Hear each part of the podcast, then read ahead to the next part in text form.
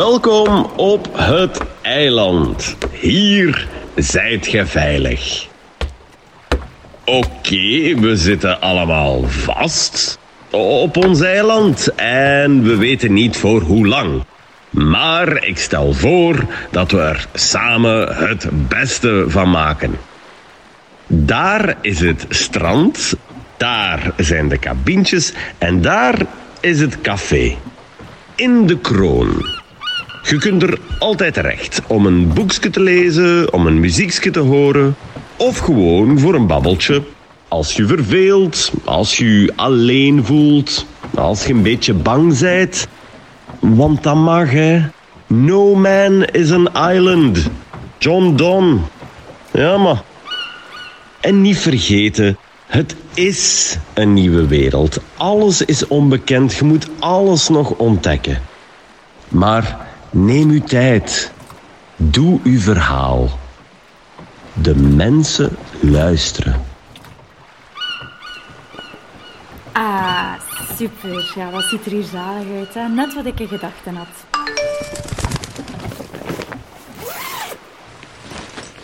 Eh, Door de drukte in deze coronatijden is het onduidelijk wanneer we uw bestelling zullen kunnen leveren. Typisch. Onze excuses voor dit ongemak. Ja, het zal zijn. Ja, zo gaat dat hier niet. Hè? Dat is nu al heel de tijd van hetzelfde. We kunnen nu toch niet maken? We zijn 2020.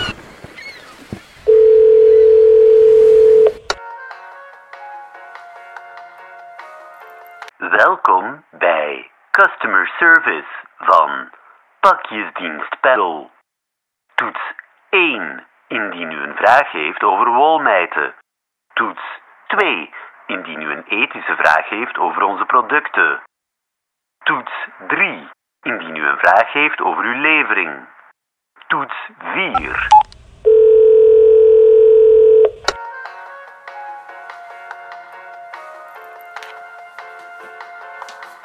U koos voor optie 3. Toch verbinden we u door met optie 4. Een gesprek met Stefan Brakke. Maar allee, ik wil gewoon weten wanneer dat mijn pakje wordt geleverd. Zo moeilijk kan dit toch niet zijn?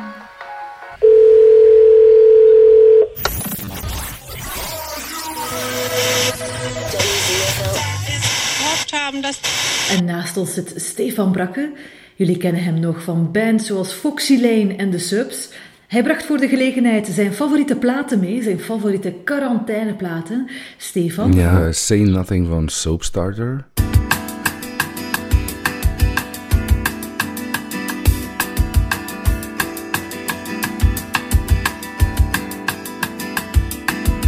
Soapstarter is eh, een band die elf jaar geleden al eh, bestond, ontstaan is. Eh, een paar goede vrienden van mij, François de Meijer, Stefan Messegers en Chris Buckle, waren op reis en zijn liedjes beginnen zingen. En daaruit is dan een band voortgevloeid. Maar Chris was van Londen, woont nu in Australië en die zijn daar dan mee gestopt. Nu is François, eh, heeft terug de draad opgepikt. En dat was echt de summer vibe bij uitstek. Voor Hans onze vriendenkliek en voor veel mensen, denk ik. Want achteraf heb ik er nog veel, is er toch nog veel vraag geweest naar François, wanneer dat de volgende soapstarterplaat kwam. Ja, bij deze, nu is ze er. Nee, nu is ze er nog niet. Ze is wel gemaakt. Maar eh, Say Nothing is de eerste single daaruit. En het is dan nog iets persoonlijk ook. Het is in feite een gemeenschappelijke vriend, een zeer goede vriend van François. Heeft eh, in 2017 zelfmoord gepleegd. En dat is in feite een liedje dat naar hem opgedragen is. Klinkt een beetje dark, maar het is wel een liedje die ons wel een, eh, een goed gevoel heeft. Het katapulteert mij direct terug in de tijd en het geeft mij echt een bepaald gevoel van geborgenheid.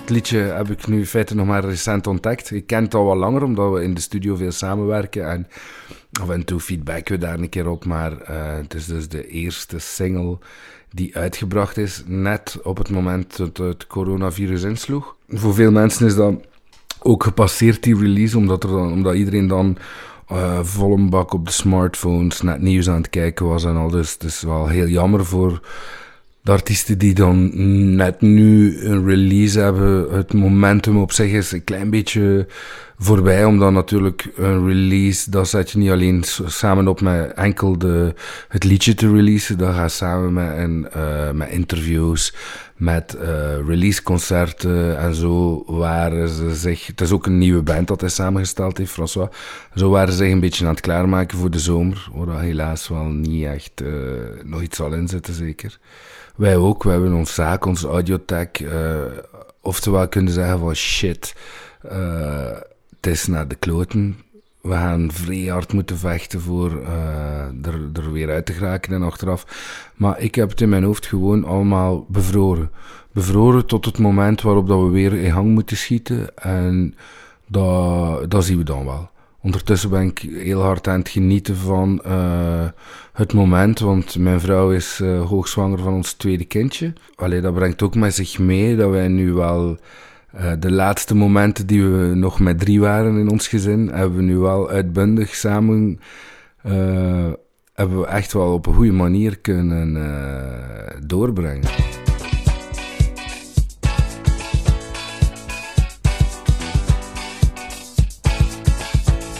Het tweede nummer is Ancora Tu van Lucio Battisti.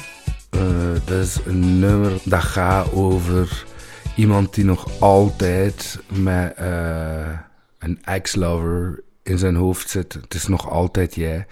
Desondanks de tijd. Uh, maar ik interpreteer dat meestal. Ik ben nu ook ondertussen al 15 jaar samen met, met mijn vrouw. En uh, voor mij, ik draai dat om. Het is encore toe en het is nog altijd jij. Ik vind dat gewoon mooi. Ook heel, heel de vibe die daarin zit van Italië. De, uh, Royce Murphy heeft dat ook onlangs gecoverd en dat is ook in een heel mooie versie. Maar dit is echt een, uh, ja, een, een, een, een en het kan niet Italiaanser zijn. Ook muzikaal is het echt wel vrij straf. Daar hangt nog een verhaaltje voor mij aan vast. We zijn net uh, eh, 22 februari of 18 februari, zijn Louise Marie, dat is onze collega, zijn wij nog naar Italië geweest, omdat we daar het uh, My Ghost, een editie voor, op het Sant'Arcangelo Festival gingen voorbereiden. Dus we zijn op prospectie geweest. We hebben daar een paar Italiaanse leuke mensen ontmoet. En we hebben dan de hele tijd Italiaanse songs zitten zingen. En ze, waren, ze schrokken ervan hoeveel dat wij wel kenden. En uh, Ancora Tu, ja, de tekst uh, kende ik ook. En dus dat is wel heel tof. Amore mio, hai già mangiato o no?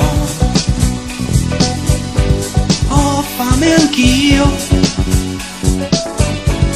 soltanto di te. De eindredacteur die geeft me een signaal dat we dus wel degelijk een beller aan de lijn hebben. Hallo, wie is daar? Ah, eindelijk. Zit ik juist? Ja. ja. Sorry hoor, uh, ik ben al heel de tijd aan het proberen. Ik heb een vraagje over de levering van mijn pakketje. Want... Oei, Oei, ik hoor de vogeltjes. Ja, um, dat is uh, wat gênant. Um, kan er iemand daar, uh, eruit halen, alsjeblieft? Ah, dat was mega gênant. Oké, okay, nog eens proberen dan. Okay. U koos voor optie 3. Wij verbinden u door met een medewerker.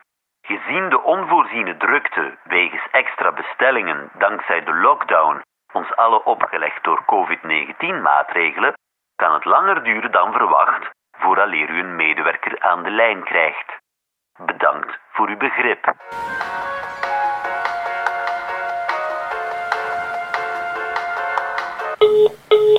Ha hallo, uh, pakjesdienst Perl, goedemiddag. Aha, eindelijk heb ik u aan de lijn. Oké, ik heb hier mijn bestelnummer al uh, bij. Dat is het nummer 943267. Uh, en ik bel eigenlijk specifiek voor... Ja, eigenlijk, ik had een boek besteld, maar eigenlijk ook... ja, ik zat met slakken en ongedierte, dus...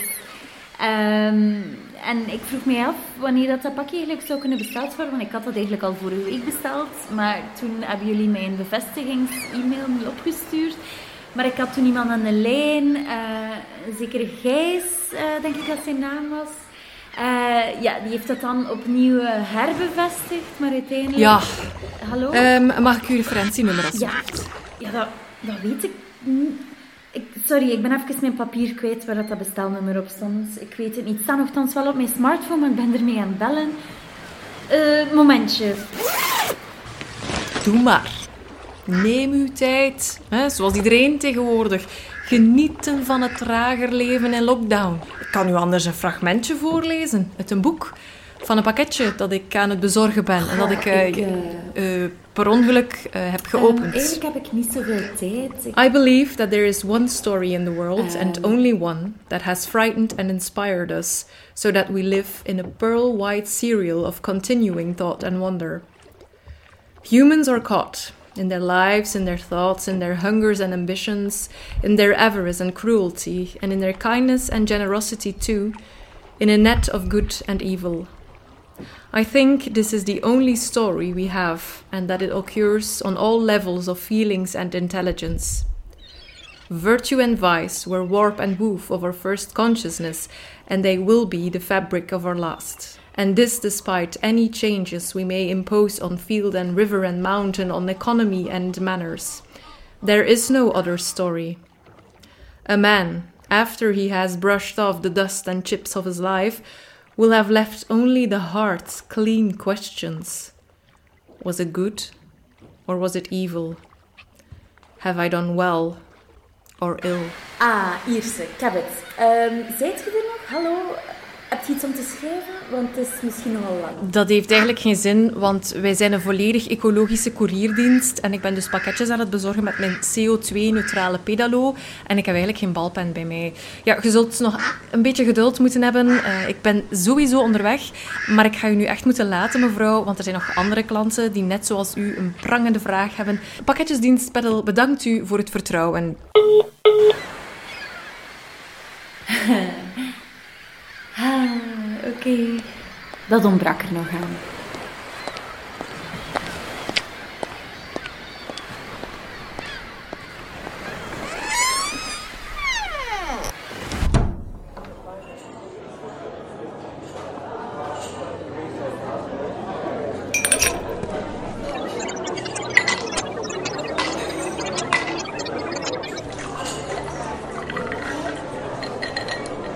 Sorry dat ik lastig doe, maar ik had eigenlijk iets anders besteld.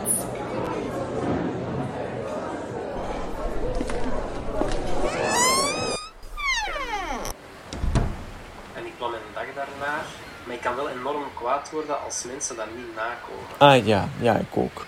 Niet dat dat als een privilege moet zijn, maar ik had gewoon in tijd iets anders, iets anders kunnen doen. Aha, als ik het goed voor heb, ben ik niet de enige die sukkelt met laatkomers of mensen die hun afspraken niet goed nakomen. Eh, Simon en Jens, mag ik mij er even bij zetten? Ja, ja, ja, ja. Kom, kom. Doe er maar bij. Jullie hebben dus heel graag controle en meer nog, Simon, jij hebt er jouw bachelorproef over geschreven. Mijn bachelorproef ging over de drie jaar dat ik leed aan een eetstoornis en depressie en eh, zelfmoordgedachten. Mm, en de controle, hoe was dat daar? Dat was controle over wat ik at, de controle over wanneer ik at, de controle over hoeveel ik at, de controle over hoe vaak ik op de weegschaal ging staan en zo mijn gewicht monitoren. Eh, dus ik denk dat daar dat controleaspect wel heel duidelijk terug te vinden is. De controle toen, als ik daar nu op terugkijk, kan ik de controle misschien zo vergelijken met een slechte vriend. Die mij gewoon een hele, hele slechte raad aan het geven was. En als ik daar nu op terugkijk, was eigenlijk controle het vergif in plaats van de, eh, hoe je dat, geneesmiddel. Maar ik dacht dat, mij, dat mijn redding was, was dat eigenlijk gewoon hetgeen dat mij eh, steeds opnieuw naar beneden trok. Als ik daar nu op terugkijk, is het veel leuker om soms wat meer ongecontroleerd te leven. In plaats van over alles de touwtjes in ha- handen te hebben. Op welke manier heeft controle een invloed op jouw leven, Jens? Ik heb ehm, va- ja, van kinds af aan altijd al eh, controle willen, willen hebben. Maar dat ging dan vooral over, eh, over tijd, hoe dat tijd werd besteed. Ehm, als ik met mijn partner samen was ehm, dan, en er moest om twee uur ergens zijn, dan wou ik daar liefst zoveel mogelijk op voorhand aanwezig zijn. Um, ik wou zeker zien dat er overal een plan B voor was, wat als er dit gebeurt, wat als er dat gebeurt. Um, en ik heb dat in de loop van de jaren, um, dacht ik, weten af te bouwen. totdat er uh, ja, die, die coronacrisis nu gebeurde. Die, uh, die weken dat we tussen haakjes vast zaten, ja, dat wordt verlengd, dat wordt verlengd, maar er is geen uitzicht hoe. Dat heeft zich dan ook een keer uh, tot, tot, tot een, een paniekaanval geleid, wat ik nog nooit in mijn leven gehad had. Dat gedeelte controle, waarvan dat ik dacht dat ik het zo goed als kwijt was, wat dat echt een hindernis was vroeger, waar een relatie ook op is vastgelopen, dat dat er toch nog wel zit. Um, ja, en dat ik daar een manier voor moet zien, dat ik daar, uh, dat ik daar nu mee omga. Simon, herken jij veel van wat Jens aan het vertellen is? Ja, ik herken heel erg dat... Um zoals je zegt, van een plan B willen hebben en dan vergeten in het heden te leven. En ook heel veel nadenken over de toekomst. Een, een voorbeeld daarvan was bijvoorbeeld sparen. Geld is echt een hele gemakkelijke om, die val, om in die val te trappen van controle te hebben. Zo te denken van, ah ja, maar zolang ik maar voldoende geld heb, gaat mijn toekomst verzekerd zijn. En niet nadenken over of ik wel aan het genieten ben van het nu. Hoe moeilijk of makkelijk is dat voor jullie om tijdens zo'n lockdown die het hele land en ieder zijn agenda uh, compleet lam legt. Om, om te genieten van het nu. Om daar toch het beste uit te halen. Ik heb wel vrede kunnen nemen met ondertussen een aantal weken thuis te zitten. Ik probeer daar stramie, uh, een, een, structuur in, uh, in te krijgen. Ik probeer niet te laat op te staan. Elke dag wel bepaalde zaken op hetzelfde tijdstip en zo te doen. Um, ook om, om die vrienden te zien, maar ik ben iemand die dat enorm graag uh, knuffelt, enorm graag mensen vastpakt. Um, en dat is zoiets dat, dat, dat leeg blijft op deze moment. Wat voor, richting de toekomst heeft me dat wel nog meer laten inzien hoe belangrijk dat, dat is. Um, maar ook hoe belangrijk dat voor mij effectief dat plan B wel is. Ik ben nu effectief wel aan het nadenken van oké, stel dat dit bij een tweede wave of zo zou voorkomen in oktober Ehm, hoe ga ik dat aanpakken? Ga ik effectief ervoor zorgen dat ik alleen hier binnen zit voor die periode? Um, want dat, ik weet niet of dat voor mij persoonlijk mentaal een, een, oplossing zou zijn om dan nog eens een tweede keer door te gaan. Iedereen maakt dingen mee in zijn leven, maar ik heb nooit, nooit echt kunnen zeggen dat ik ongelukkig was. En ik vond die eerste twee weken in, in, in heel deze lockdown was ik dat echt wel. Ik herken het dus heel erg aan zo hoe dat de structuur wegvalt en je denkt van, ah, dat, dat, dat beestje dat ik dacht onder controle te hebben, controle, um, onder controle te hebben, dat dat er toch nog zit en groter is dan dat je initieel gedacht had. Voor mij is dat, ik probeer dat niet weg te steken. Ik denk dat controle ergens een, een kwaliteit is maar dat het ook een valkuil kan zijn als je het te veel, te veel gebruikt. Dus ja, ik denk dat daar voor mij is daar de balans vooral uh, tussen vinden. Hoe ga ik dat doen? En, en ja, misschien op voorhand al eens een keer aan een plan B. Uh... Ik denk dat het naïef is om te denken dat het ooit helemaal weg gaat zijn. Ik denk dat het belangrijk is dat je bewust bent van dat het er nog wel ergens zit. En dat het wel eens gewoon naar boven kan komen. En dat het, als het naar boven komt, dat het oké is. Het is ook een hele belangrijke, dat je jezelf niet gaat veroordelen. Moest die drang naar controle nog eens opnieuw naar boven komen, want jezelf gaan veroordelen, dat maakt het alleen maar moeilijker voor jezelf.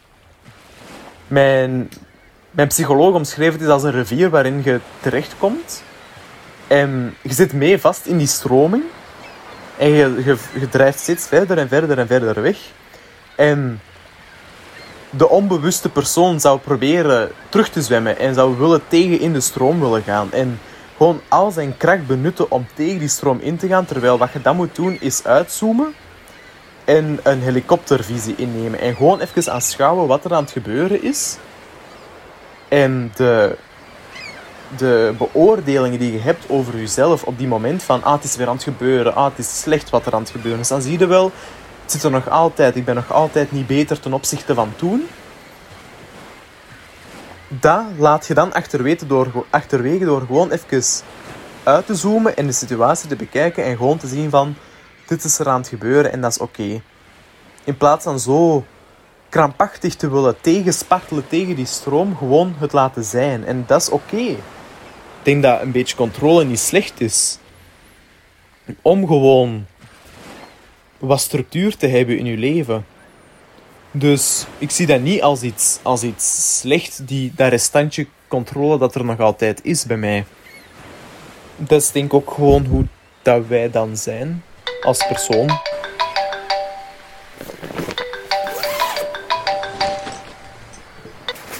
Sorry hoor, excuseer. Eh, hallo, pakjesdienst Peddel neem ik aan? Goeiedag, ik ben van pakketjesdienst Peddel. Is dat hier, café in de kroon? Haha, eindelijk!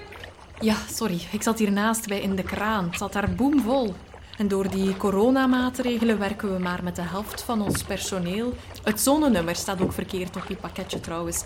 En ik heb ook al afgetekend in uw plaats. En eigenlijk heb ik ook al het hele boek uitgelezen dat erin zat. Het is wel echt zot. Wel een voorkeur eh, voor klassiekers, precies. Allee, John Steinbeck, ik zou daar nu zelf niet op komen. En dan nog East of Eden. Onmiddellijk zo'n kloef. Maar ik ben wel heel blij dat ik het gelezen heb nu. Met die twee families die niet meer van elkaar kunnen verschillen dan de Hamiltons en de Trusks en dat harde boerenleven in Californië, zo vlak voor de Eerste Wereldoorlog. Hoe daar dan toch vriendschappen ontstaan en de liefde natuurlijk. Maar vooral hoe bitter die is. Want die ene, die is echt zot in haar kop. In een soort parallel verhaal leren we Katie Adams kennen, die haar voordoet als een zogezegd heilig boontje, maar dat belangen niet is. Ze vermoordt eerst haar ouders, laat haar zelf in elkaar slaan door haar eerste man. Wordt dan gevonden door de twee Trask-broers. De oudste van die twee, Adam, die wordt hopeloos verliefd op haar. Die maakt haar dan zwanger. Maar zij maakt heel duidelijk dat ze dat kind absoluut niet hoeft. En dat ze van zodra het geboren is weg zal zijn.